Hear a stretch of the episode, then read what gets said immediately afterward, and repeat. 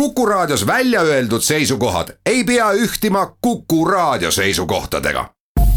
Te kuulate Kuku Raadiot.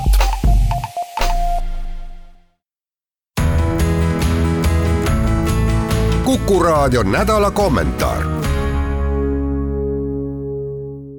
tere, mina olen Kivisildnik ja meie tänase jutluse teema on kõikehõlmav depressioon.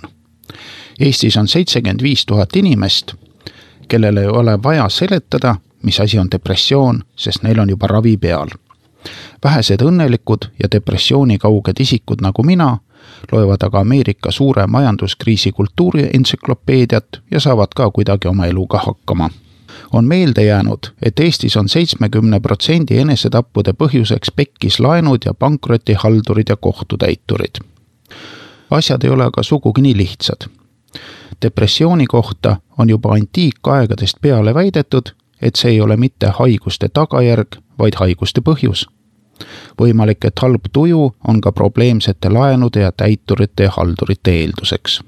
Te võite teha järgmise eksperimendi. makske mõne depressiivse haige laenud ära ja vaadake, kas ta saab terveks. ma ütlen teile, et enne saab pime nägijaks, kui tema võlad ära maksta depressiivne tüüp jääb depressiivseks ka siis, kui talle lotovõit kaela kukub.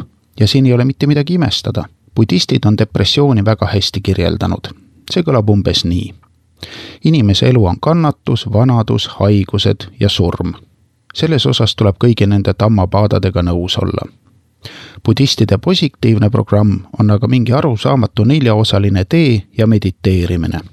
no see küll ei tööta eks depressioonitõbised ju ka mediteerivad voodis tekk üle pea ja nii pikki aastaid. asjad lähevad muidugi ainult hullemaks ja võlausaldajad närvilisemaks. seitsekümmend viis tuhat depressioonihaiget on muidugi veidi vähem kui Tartu täis inimesi. aga eks mõned ole vahepeal mediteerides ära ka surnud. mina olen täielik depressiooni fänn, selgitan kohe, miks depressioon laastab inimese täielikult, võtab ta töövõime, elutahte, tõmbab kriipsu peale helgele tulevikule ja üldse kõigele. depressioon teeb sinust zombi ja tühja pilguga tabletisõltlase, seda paremal juhul.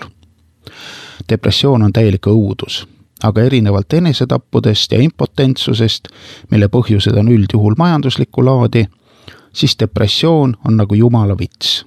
see võib tabada igaüht, sealhulgas ka kõige ilgemaid lurjuseid depressiooni kohta võib öelda sama, mida vahva sõdur Šveik ütles sõja kohta. paljude korralike inimeste kõrval saab sõjas surma ka arvestatav hulk kaabakaid. eestlaste endeemiliste haiguste hulgas päärdepressiooni ei maini. aga ta kirjutab, et maarahvas on lõbus ainult lakku täis peaga. eks ta ole.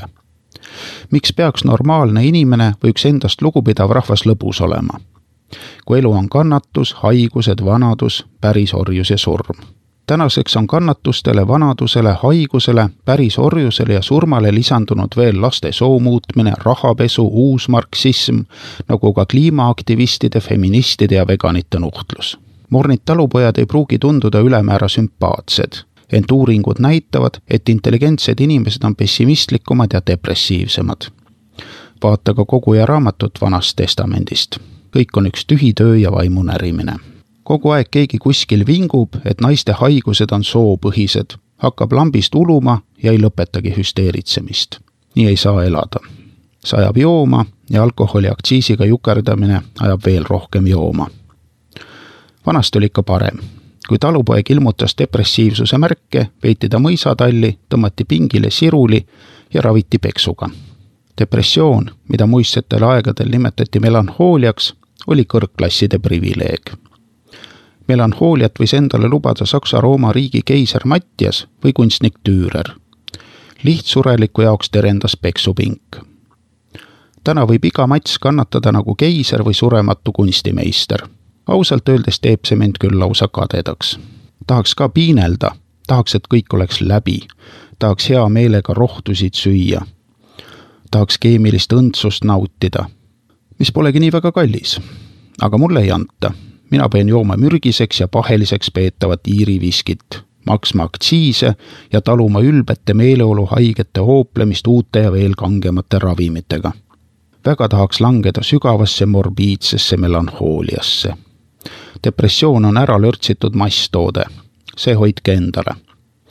aga mul ei ole see kuidagi võimalik. Ma ei tunne kaasa kogu maailma õnnetutele ja kannatajatele ja kui ma kellelegi kaasa tunnen, siis ei tohi ma seda vist enam väljagi öelda. kohe olen rassist. ja kui oled rassist, siis Inglismaal sulle enam riiklikku meditsiiniteenust ei osutata. küllap meilgi rassistidel ja seksistidel kõik teenused vaikselt kinni keeratakse see algab sotsiaalmeediast ja meediast ja nagu näeme, kisub vägisi haigla ja kabeli poole. Aga kas need arengud kedagi kotivad? halligi. massid muretsevad kliimamuutuse pärast ja langevad veelgi sügavamasse depressiooni. aga mina ei muretse kliima pärast. ma tunnen väga hästi üht üheteistkümnest tuhandest apokalüptilisest kliimateadlasest. see on vana sõber ja Nelli Teataja ajakirjanik Jaak Leer kes Tallinna Kodukirurgia Ülikooli professorina inimkonda kliimaküsimustes valgustab. ja lihtsameelsed usuvad.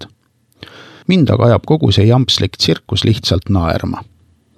soovitan vaimse tervise huvides irvitada kõigi nende Pakostade, kliimakreetade, Oudekki Loonede ja muude maailmapäästjate üle. sest kui see ei ole huumor, siis on see katastroof, täielik vaimne katastroof kui ma üldse mingi keskkonna pärast tõsiselt muretsen, siis on selleks meile vaimne keskkond. ja vaimne keskkond meie ümber ja meie sees on tõesti mürgine. Kuku raadio nädala kommentaar